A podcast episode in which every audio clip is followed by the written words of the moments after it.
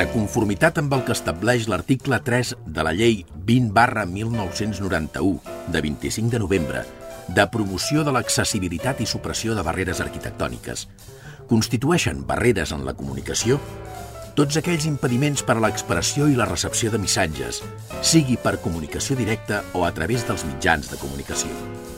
És per això que, emparant-nos en aquesta llei, volem que cada ciutadà gaudeixi del seu propi espai per moure's. Un espai sense censura. Un espai en què vosaltres sigueu els protagonistes. En definitiva, un espai per tothom. Benvinguts a Espai Vital.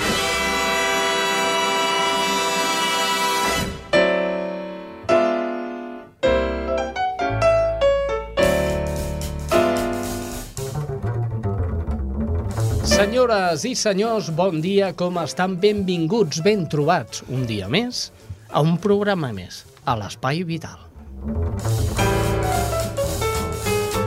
Maria López, Jordi Puy i un servidor per fer 60 minuts de bona ràdio, que comença amb 3, 2 o 1.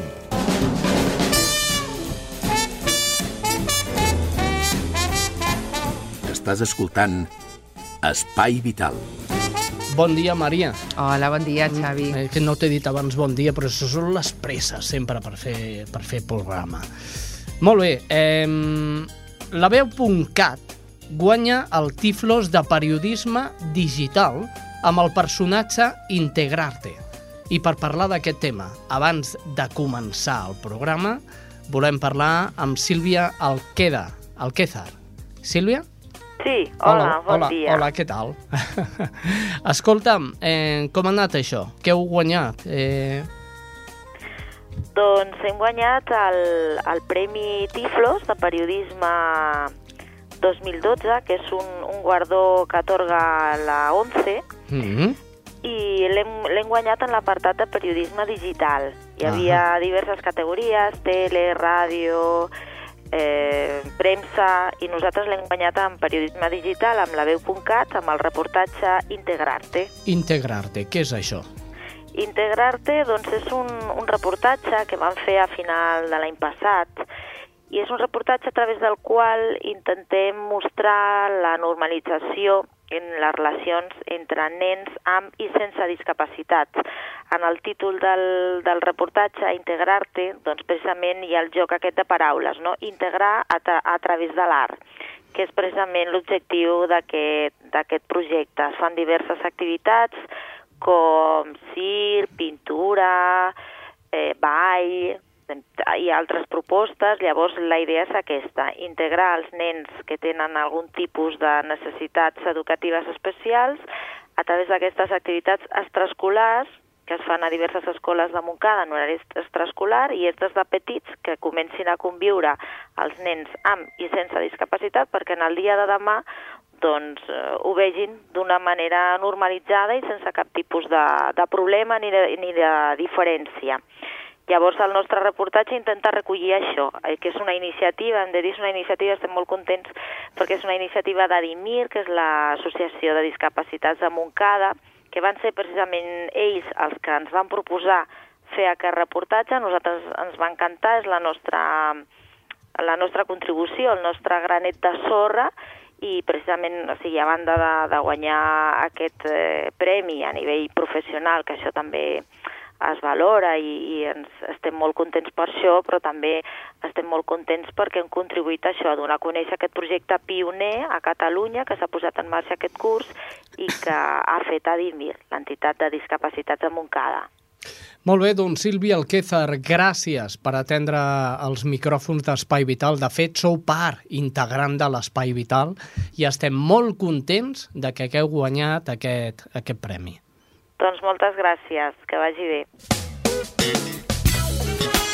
Doncs celebrem, celebrem aquest premi, Maria. A quins portes avui? Doncs avui tenim a la Anna Sánchez, que és la presidenta del DEC.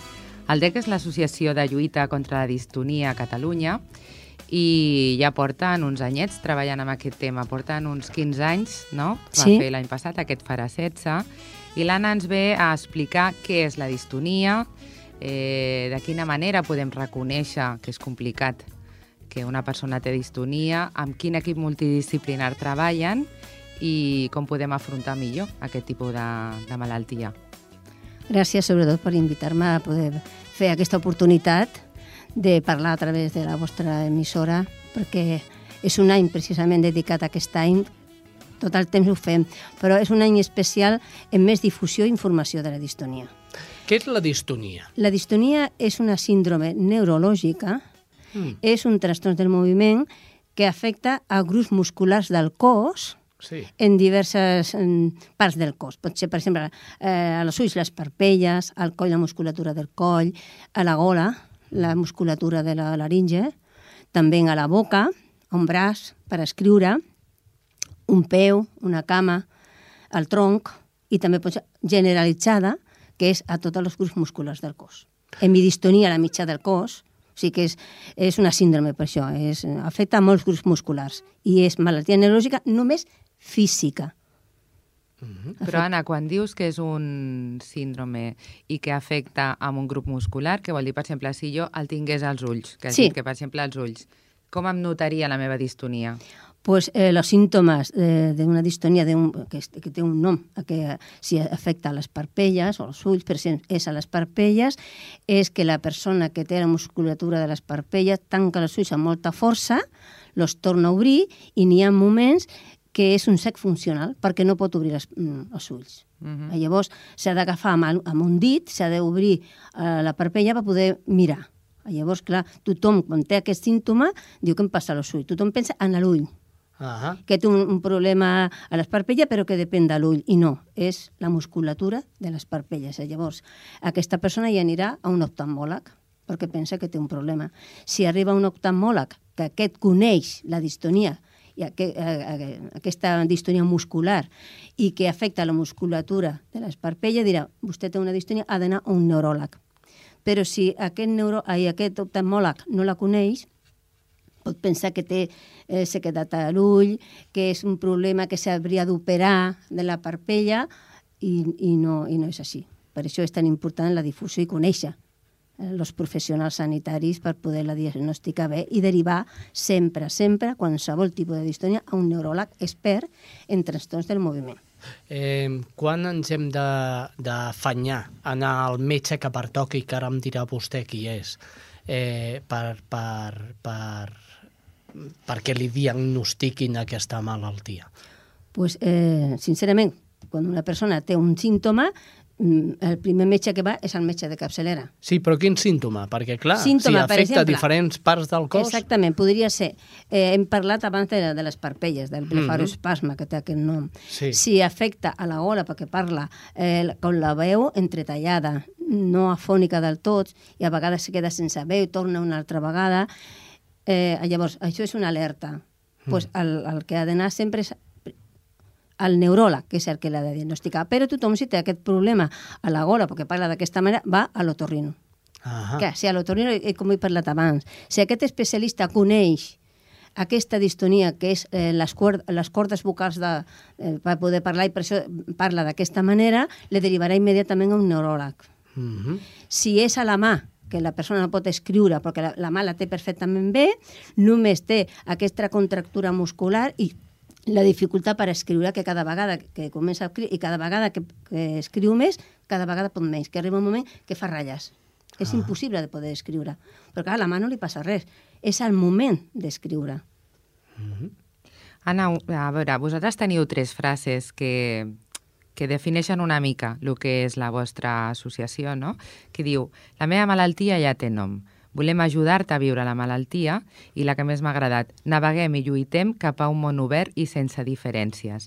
Llavors, com ajudeu vosaltres com a associació als malalts i als familiars a conviure amb aquesta malaltia? Entenc que, a més, degenerativa o no curable. No, això és crònica. És crònica, no és En degenerativa. dege- degenerativa no ho és. Hi ha, pot ser algun tipus de distonia generalitzada que està complicada amb una altra malaltia neurològica que sí que podria ser, però en general la distonia només és física, afecta grups musculars i no és... Eh, I no és va de- a més. No, se queda en aquest grup muscular, normalment. Fem una parada amb aquesta entrevista i ens anem a escoltar les notícies que ens arriben de les mans dels voluntaris de Creu Roja i de seguida tornem.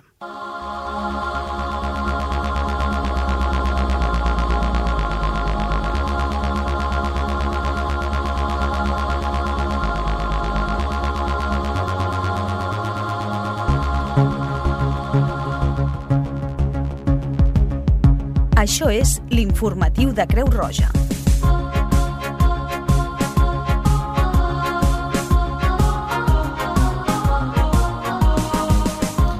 Salutacions cordials de part de les voluntàries i voluntaris de la Creu Roja de Cerdanyola, Ripollet, Montcada, que avui presenten aquesta nova edició del noticiari de la Creu Roja.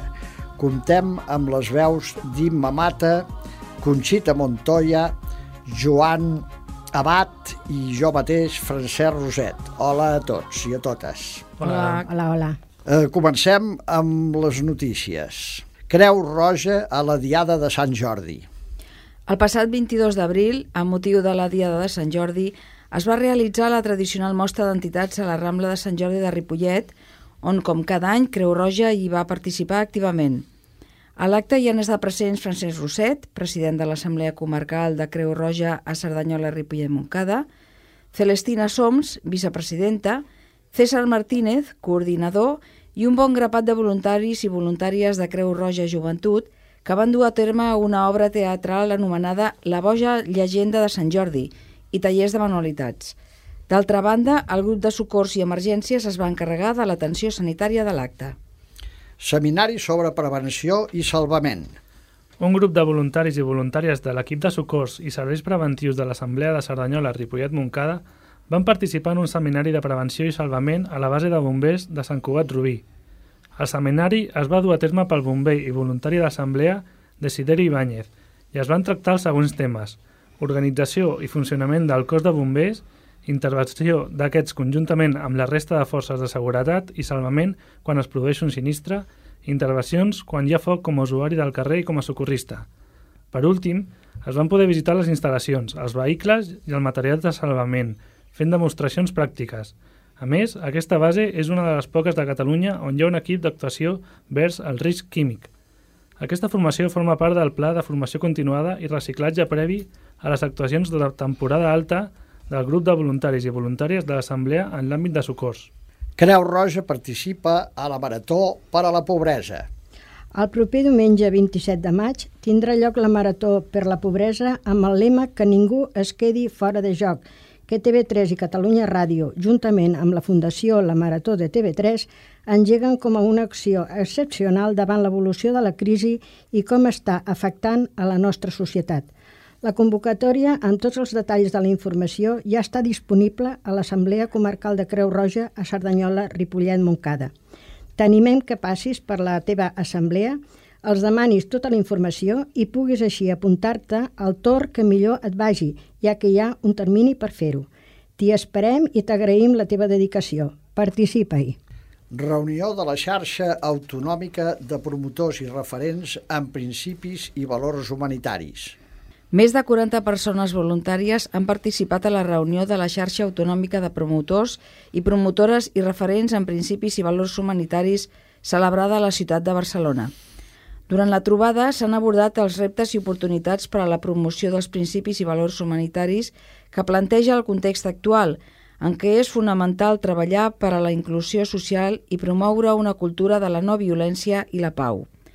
També s'ha reservat un espai per compartir experiències territorials centrades en el projecte Ciutat 10, el joc dels drets humans a la ciutat, i Titelles per la Pau. Representants de diverses assemblees locals i comarcals, així com d'oficines provincials, han explicat el treball que estan desenvolupant, encoratjant la resta del voluntariat de la xarxa a continuar desenvolupant projectes en aquesta línia.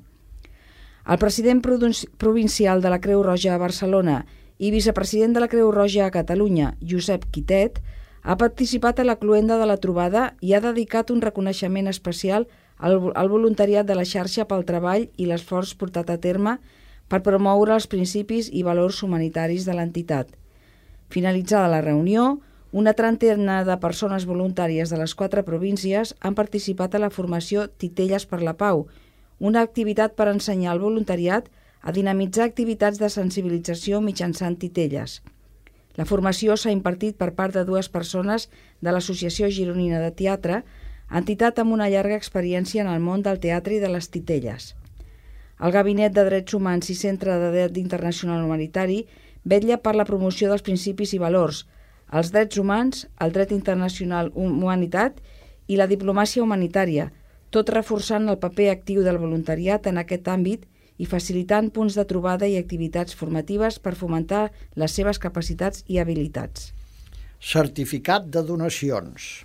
Us volem informar que totes aquelles persones que han col·laborat amb Creu Roja amb aportacions durant l'any 2011 rebran, rebran properament per correu postal el seu certificat de donacions, un document que acredita les aportacions que han realitzat a Creu Roja durant l'any passat.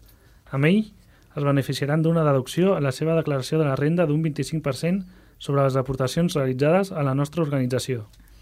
Sorteig de l'or de Creu Roja. Voleu 3 milions d'euros?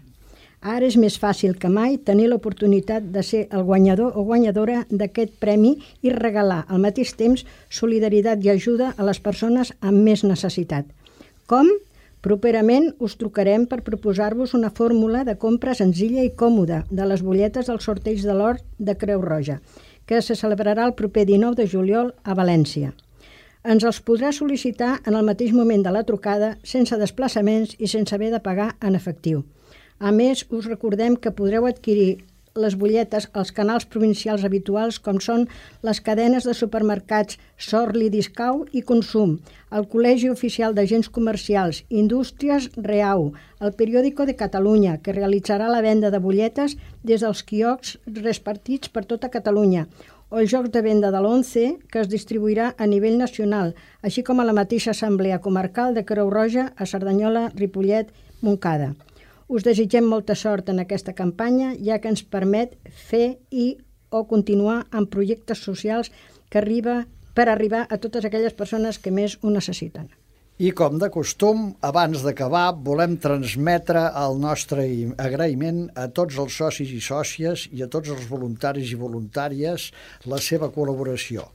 Sense les aportacions econòmiques d'uns i el temps que hi dediquen els altres, seria impossible fer les activitats que desenvolupem actualment dirigides a alleugerir i sempre que sigui possible evitar el patiment de les persones més desafavorides de Cerdanyola, Ripollet o Montcada.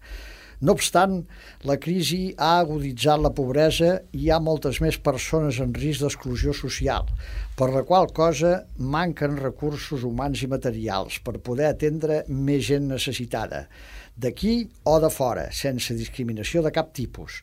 Feu-vos soci i si teniu una mica de temps, feu-vos voluntaris. Tots plegats podrem fer més accions en favor de les persones més vulnerables. Mm, per més informació, contacteu amb l'Assemblea Comarcal de la Creu Roja a Cerdanyola, Ripollet, Montcada, Avinguda de la Creu Roja 2529 de Cerdanyola del Vallès. Telèfon 93 691 61 61. El correu electrònic és informació.cerdanyola arroba creuroja.com www.org. Sereu atesos per qualsevol cosa que vulgueu demandar. Gràcies per la vostra atenció.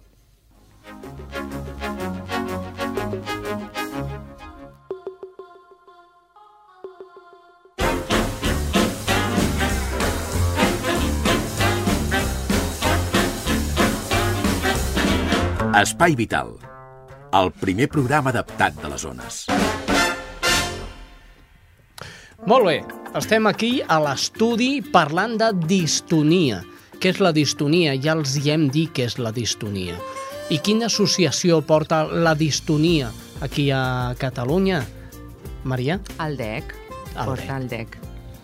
I l'Anna, amb les seves representacions, està aquí explicant en què consisteix i ara eh, estàvem al fil d'explicar-nos com ajuden als malalts i a les famílies a conviure amb la distonia. Amb la distonia. Pues sí, la nostra associació, de los anys que, que portem, eh, quan una persona ja està diagnosticada, mm. pensa que n'hi ha gent que sé 10 anys, 15 anys, 3 mm, anys, cada persona per te- tenir un diagnòstic la tarda molt.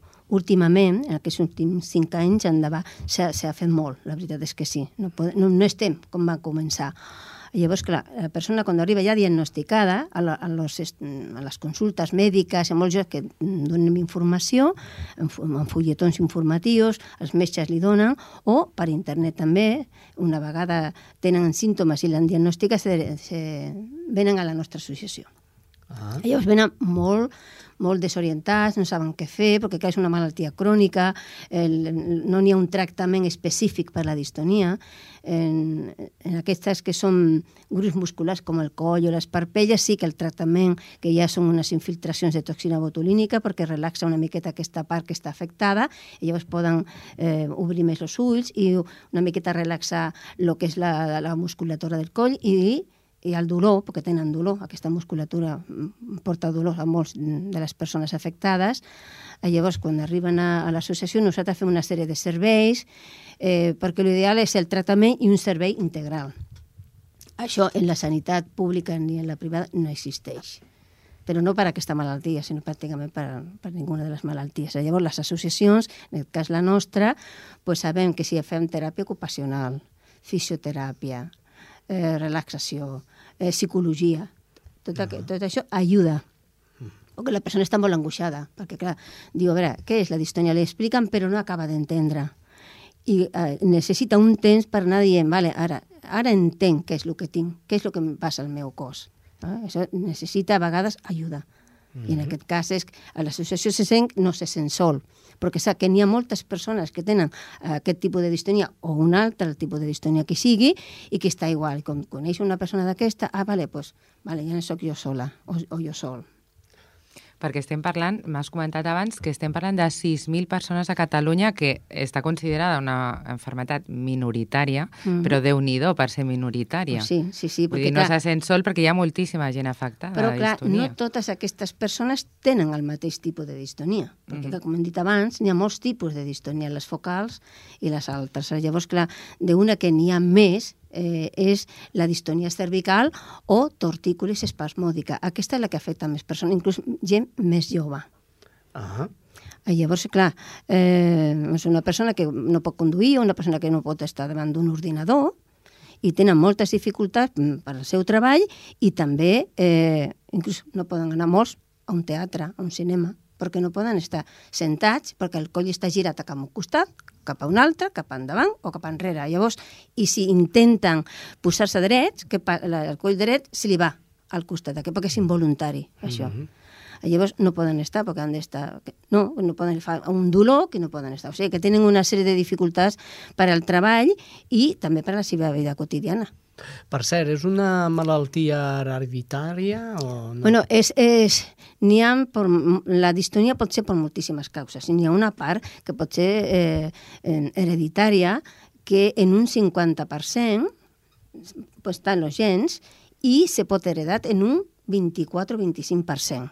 Ah. Però això no vol dir que aquesta persona que tingui els seus gens, eh, això desenvolupe la, la La malaltia. malaltia. Però també n'hi ha com que és d'origen desconegut i moltes són mm, per exemple, per cops al cap, en el moment de néixer un nen li falta una miqueta d'oxígen, i no és només la paràlisi cerebral, sinó que pot desenvolupar una distonia, i també per fàrmacs. N'hi ha una sèrie de fàrmacs i això és molt important saber-ho, de que poden... Eh, n'hi ha una predisposició també eh, per pateixer, però n'hi ha una sèrie de medicaments que poden produir una distonia. De quins medicaments estem parlant? Estem Anna? parlant d'un llistat molt i molt llarg, Jo la llegit, veritat. jo he llegit, per exemple, del Parkinson.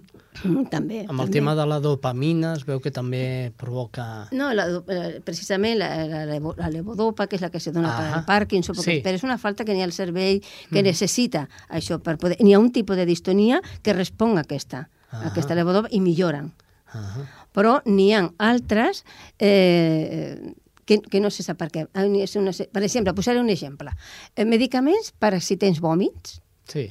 N'hi ha nens o persones que tenen vòmits i li donen un jarop o qualsevol medicament, n'hi ha diversos, eh? I No es- poden produir una distonia. No es diuen marques. No, no, però... No. Imperan, per exemple. Sí. A mi el pediatre Pues sí. me'l va prohibir per les nenes, efectivament. Em va Pues dir sí. que tenia feta secundària molt important. Exactament. Jo no vull dir noms, però bueno... I no estan retirats els pots dir. mercat. No, perquè, a veure, no els són pots medi... dir, els pots dir, Bueno, dona. vull dir sí, que estem n'hi ha eh, medica- en família. Sí, aquí, en família. mira, per exemple, tu has dit aquest el Primperan, doncs Sí. és un d'aquests. De- Per exemple, el Torecà, Ah. és un nom comercial, però això no vol dir que són medicaments que a tothom li produeix la distonia.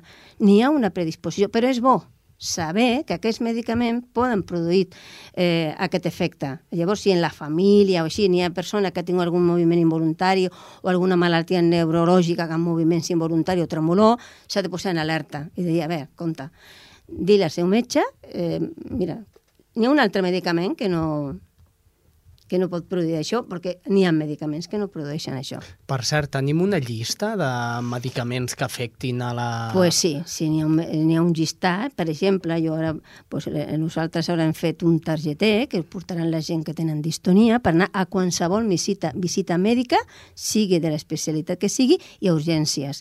Perquè ens trobem que una persona amb distonia va a urgència per qualsevol, per febre o per un accident, per el que fos, i clar, li poden donar, o per vòmits. -hmm. clar, si tens distonia i te donen un medicament d'aquest, el que sigui que n'hi ha un llistat, doncs clar, te pots posar la distonia pitjor. Però clar, això no ho sap ni el metge ni el pacient. I nosaltres, com a associació, doncs, eh, a los nostres socis, i també ho obrim a altres persones que tinguin distonia que no, que no són socis de l'associació, perquè volem ajudar a totes les persones que tinguin distonia a que portin aquest targeta informatiu que posa la distonia que té, medicaments que pren i, los, i alerta, medicaments a evitar. Uh -huh. I són, pues, sempre que són uns 15, de moment. Eh, la gent com pot posar-se en contacte amb vosaltres?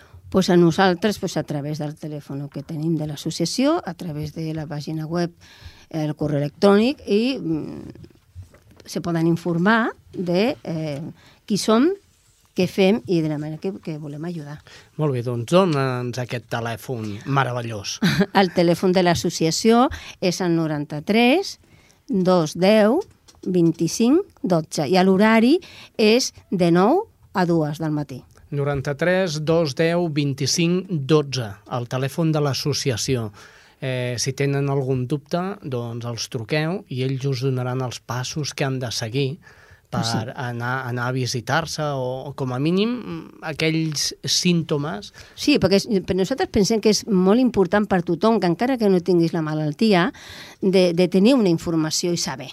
Si tu saps i estàs ben informat, pots sí, ajudar altres persones, perquè te poses en alerta si té algun moviment de lo que sigui, sigui un nen, sigui una persona adulta, un company...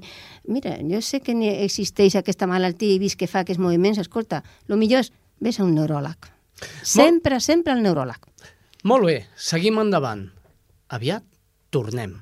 He tenido muy poca autoestima, muchas inseguridades y sigo sintiéndome poquita cosa al lado de los demás. Soc Mercè, afectada de psoriasi i membre d'Acció Psoriasi. Si vols conèixer el veritable impacte de la psoriasi, una malaltia que va més enllà de la pell, et convido que visitis enprimerplano.org.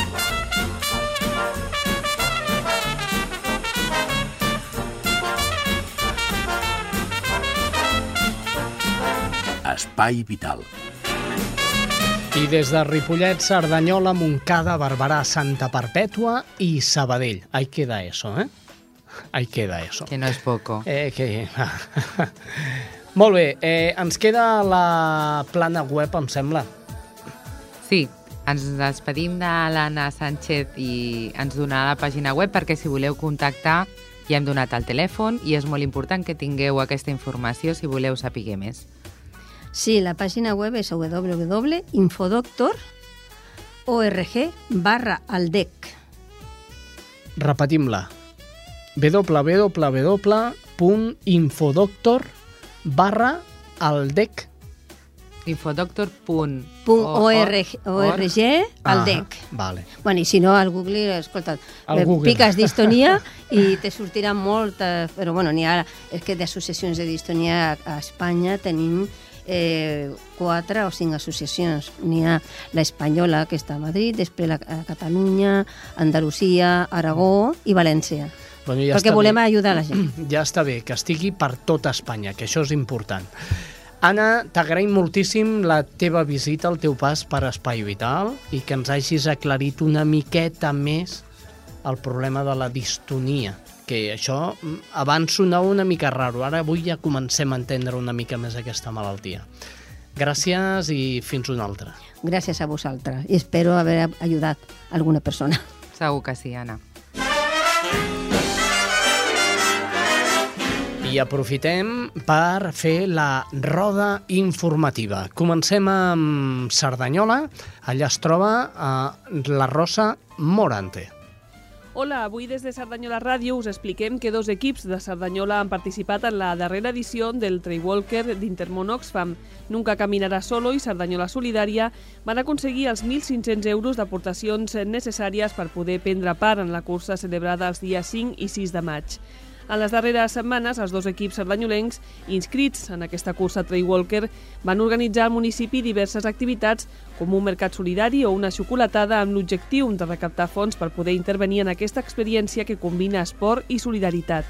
El Trail Walker és una cursa que lluita contra la pobresa i que consisteix en recórrer a peu 100 quilòmetres en un màxim de 32 hores amb equips de 4 persones. El Trail Walker és un repte esportiu i solidari, els beneficis del qual es destinen a projectes d'Àfrica, d'Àsia i d'Amèrica Llatina. Un dels programes destacats és el de Pous d'aigua a Etiòpia, un país on les dones i les nenes poden destinar fins a 5 hores al dia per anar a buscar aigua. La cursa consisteix en una travessa de 100 quilòmetres per la Via Verda, l'antic traçat ferroviari recuperat per al lleure i l'esport, que uneix les poblacions d'Olot i de Sant Feliu de Guíxols. Els participants eh, remarquen que el més important és la col·laboració amb el projecte de construcció de pous a Etiòpia, projecte al qual es destinen els fons recaptats. I això és tot per avui. Fins la setmana vinent.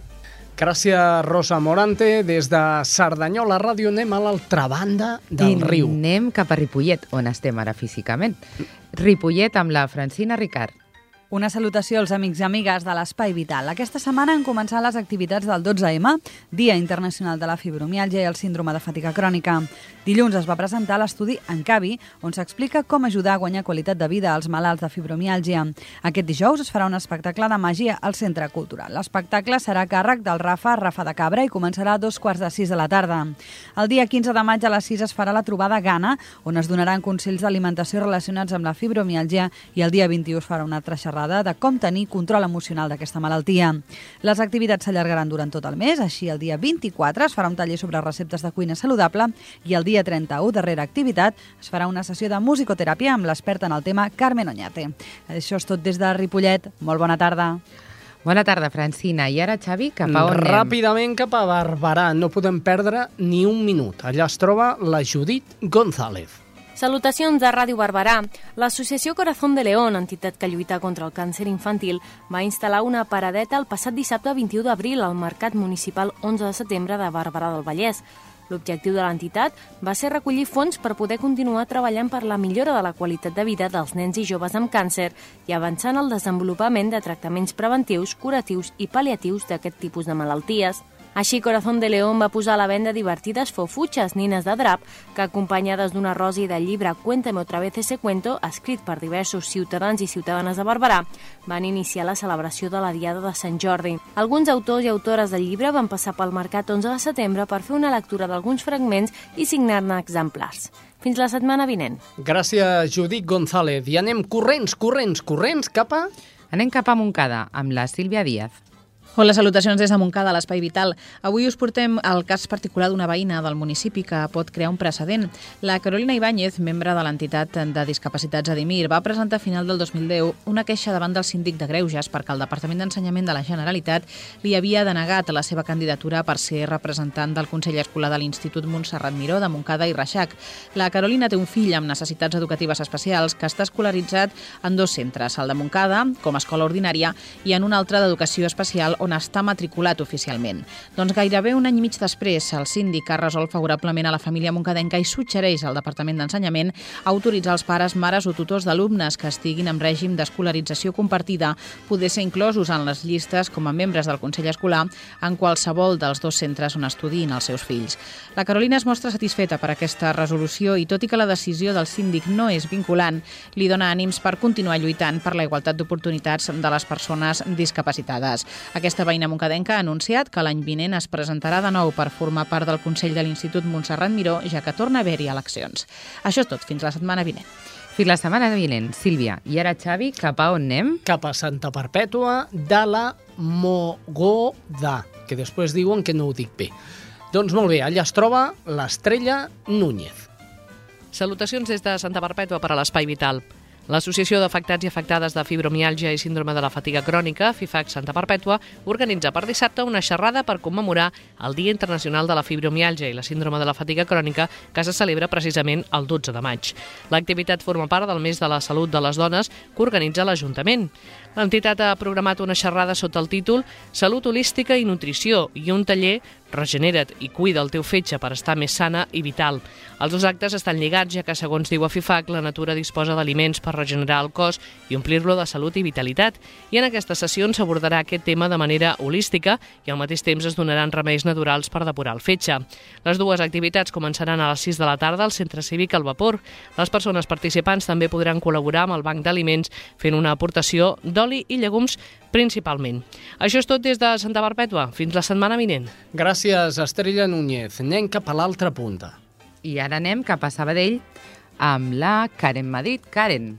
Salutacions des de Sabadell. L'ONG Cooperació i Ajuda ha fet realitat per fi la seva fita de pintar part de l'àrea de pediatria de l'Hospital de Sabadell al gust dels més petits. Gràcies a les aportacions de la ciutadania i de diverses empreses ballesanes, que supera els 5.000 euros, van poder pintar la sala d'urgències i la de preingrés amb dibuixos adaptats a les diferents edats dels pacients, des de més infantils, amb un bosc i diversos animalons, als grafitis per adolescents.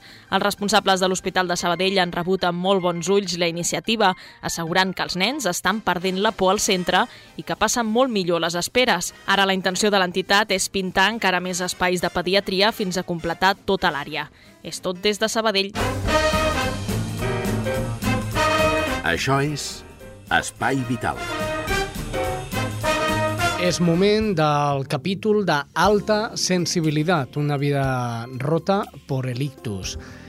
Un llibre d'Isabel Palomeque transportat a la ràdio de la veu de María López. Escoltem-lo. A continuación, les ofrecemos Alta Sensibilidad, un libro sobre el ictus. Alta Sensibilidad, un libro de Isabel Palomeque escrito en primera persona y llevado a la radio de la voz de María López. Una producción de Spy Vital.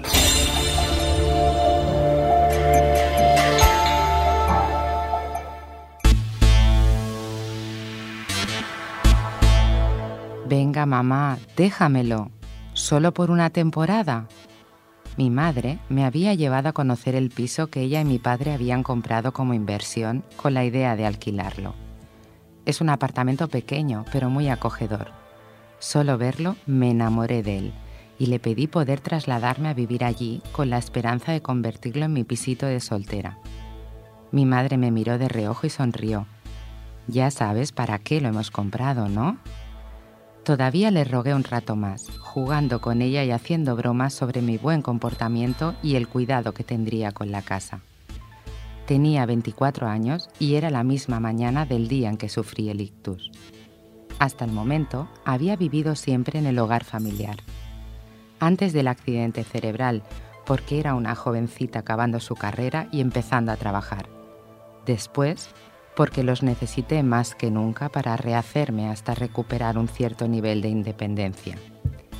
En el momento en el cual empecé a valerme por mí misma, la primera asignatura pendiente fue la emancipación. Necesitaba vivir sola. Ya había pasado por la dura aceptación de todo lo que significaba tener un ictus y en lo sucesivo, mi lucha debía ser por mí misma como principal apoyo, recuperando la libertad de movimiento propia de cualquier persona de mi edad. Así que fue posible, pues, planteé la cuestión de irme de casa a vivir sola. Mi incapacidad absoluta para trabajar me convierte en pensionista, cosa que no da demasiado margen para el mantenimiento económico, especialmente si se tiene en cuenta la cantidad de especialistas no cubiertos por la seguridad social de este país que todavía necesito de forma permanente. Sin embargo, mis padres apostaron por esta decisión, convencidos de sus beneficios, echándome otra vez una mano, o mejor dicho, cediéndome finalmente aquel maravilloso piso que un día compraron sin saber quién viviría allí y en el que no habían vuelto a pensar desde mi ictus. Cosas del destino. Aquel piso que yo había codiciado como cualquier otra joven por empezar su vida, ahora se convertiría en mi hogar con este propósito exacto, empezar una nueva vida, un nuevo camino tras el ictus. Este paso tenía una especial significación, dado que se convertía en toda una empresa para ocupar mi cabeza en algo más que médicos y sesiones de rehabilitación. Durante meses me concentré en su decoración. Era mi espacio y en cada una de las habitaciones quería dejar la huella de todo aquello que me gustaba. Los carteles de las películas, el cuadro con el electrocardiograma de mi padre presidiendo el saloncito, la música, las fotografías y los recuerdos de mis viajes. Como cualquier otra chica o cualquier otra persona que se ilusiona con su nuevo hogar, me demostré a mí misma que podía ser responsable y ganar mi independencia. Con la casa, además, había conseguido un incentivo básico para seguir adelante, vivir sola. Recuerdo los meses de preparación como una rotura absoluta de la monotonía y un revulsivo para motivarme a hacer otras muchas cosas. Si podía vivir sola, responsabilizarme del piso, seguro que había otras posibilidades esperando solo a que me decidiera. Las ganas de trabajar como voluntaria habían desaparecido tras la primera mala experiencia, de forma que pensé en buscar círculos afines en los que encontrar personas afectadas a las cuales prestar mi apoyo. Contacté con varias entidades, la Asociación Catalana de Personas con Accidente Vascular Cerebral, ABC, y la Asociación Catalana de Traumáticos Cranoencefálicos y Daño Cerebral, TRACE, dos entidades muy activas y arraigadas en Cataluña. El proyecto de ambas me pareció en un principio muy adecuado a mi propósito de colaboración. Desgraciadamente, debo confesar que no supe encontrarme a gusto con ellas. La diferencia de edad, de realidades o maneras de hacer me convencieron de que no estaba destinada a continuar. Por la época, viajé de nuevo al pueblo de mis padres, Quintanilla, donde los amigos de siempre me recibieron como siempre o quizás mejor todavía. Es decir, como si nada hubiera pasado. Su acogida me hizo pensar que estas amistades serían inmutables y que en cualquier caso, si quería ampliar mis círculos, debía hacerlo con personas con las cuales me sintiera identificada, más allá de la experiencia del ictus. Mi hermano Diego y su mujer me propusieron entonces unirme a su reunión semanal de amigos. Fue todo un hallazgo. Aquel grupo me recibió con los brazos abiertos y me aceptaron como uno más. Mis dificultades de expresión no eran nada importante cuando los otros se mostraban dispuestos a escucharte, tal como me ocurre en Quintanilla. El balance era más que positivo. Caras del pasado, nuevos amigos, el apoyo de la familia, mi nuevo hogar y ganas, muchas ganas de continuar adelante. Y hasta aquí, Alta Sensibilidad, un libro sobre el ictus. Alta Sensibilidad, un libro de Isabel Palomeque, escrito en primera persona y llevado a la radio de la voz de María López. Una producción de Spy Vital. Alta Sensibilidad, un libro de plataforma editorial.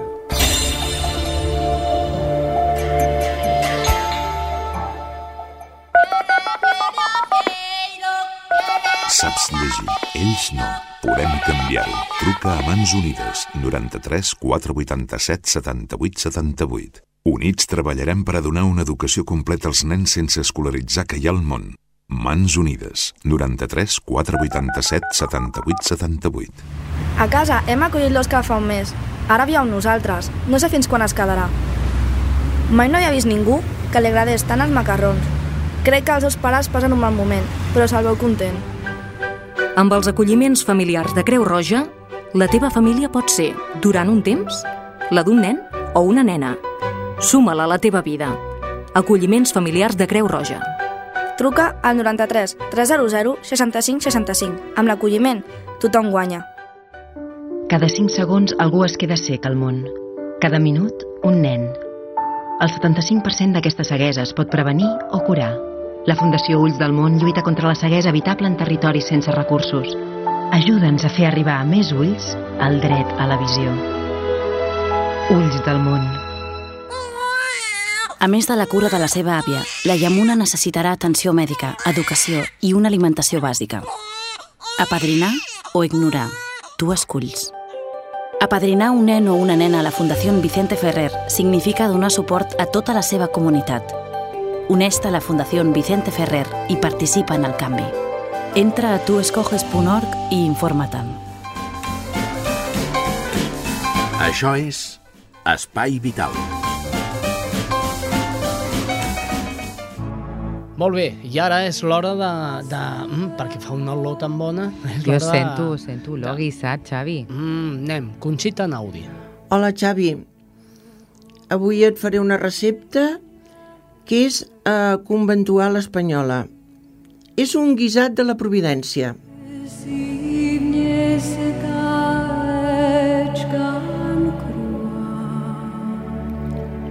Els ingredients necessitareu dues o tres botifarres crues, 200 grams de cansalada viada, 600 grams de bolets variats, de pot o de temporada, 100 grams de pernil del país i un got de vi blanc.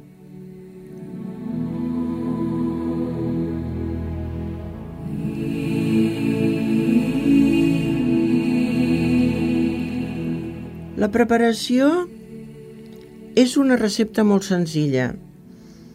En primer lloc, haureu de tallar les botifarres i la cansalada a tallets d'uns 10 centímetres o de 5, com vulgueu. I les passareu lleugerament per una cassola amb una mica d'oli. Després hi poseu els bolets nets i trossejats i també el pernil tallat a daus. Tot això, quan estigui a la cassola i estigui sofregit, es cobreix amb el vi blanc. El foc té que estar molt baixet perquè es vagi coent a poc a poc. I també es té que controlar la salsa. Té que quedar salseta, ja que queda molt bo. Mireu, poques coses són tan tristes que veure un rebost buit. I això és el que passava abans amb molts convents espanyols. Després de la matança del porc, els feligresos portaven als monjos una part de la seva, de moment, abundància. Res més. Fins la setmana vinent. Doncs molt bé, finalitzem el programa d'avui, Maria, i ho fem acomiadant a tots els convidats que hem tingut aquí a la ràdio. Ens acomiadem del Jordi Puy, el nostre tècnic, i de tu mateixa, que alguna cosa hauràs de dir amb aquesta cançó. Maria. Doncs sí, volem dedicar-li aquesta cançó a l'Anna, al DEC, i, bueno, aprofitem i la obrim a totes les associacions i federacions i fundacions de malalties cròniques, degeneratives, etc, etc, perquè escolteu la lletra, que és molt important. Es diu Mensajes en el agua, de Macaco. Per tu especialment, Anna. Gràcies. Gràcies, gràcies. Adéu-siau.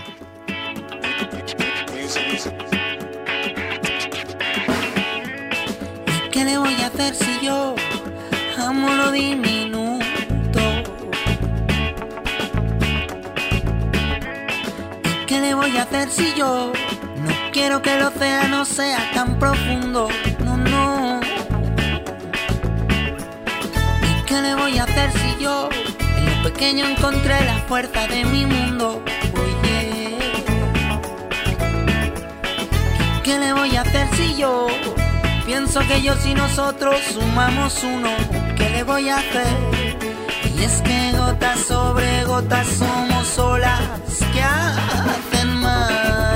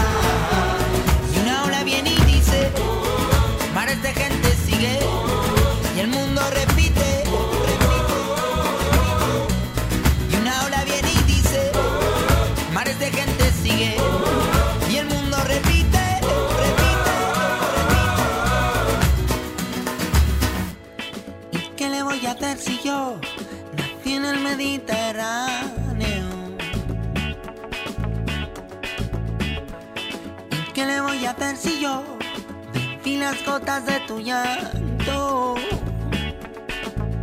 De tus gotas mi nombre, transparencias en mi ser. Soñé torrenciales de amor y fe, como lluvia de primavera, borrando grietas, igualando mareas. Y es que gotas sobre gotas somos olas que hacen mal. diferentes, pero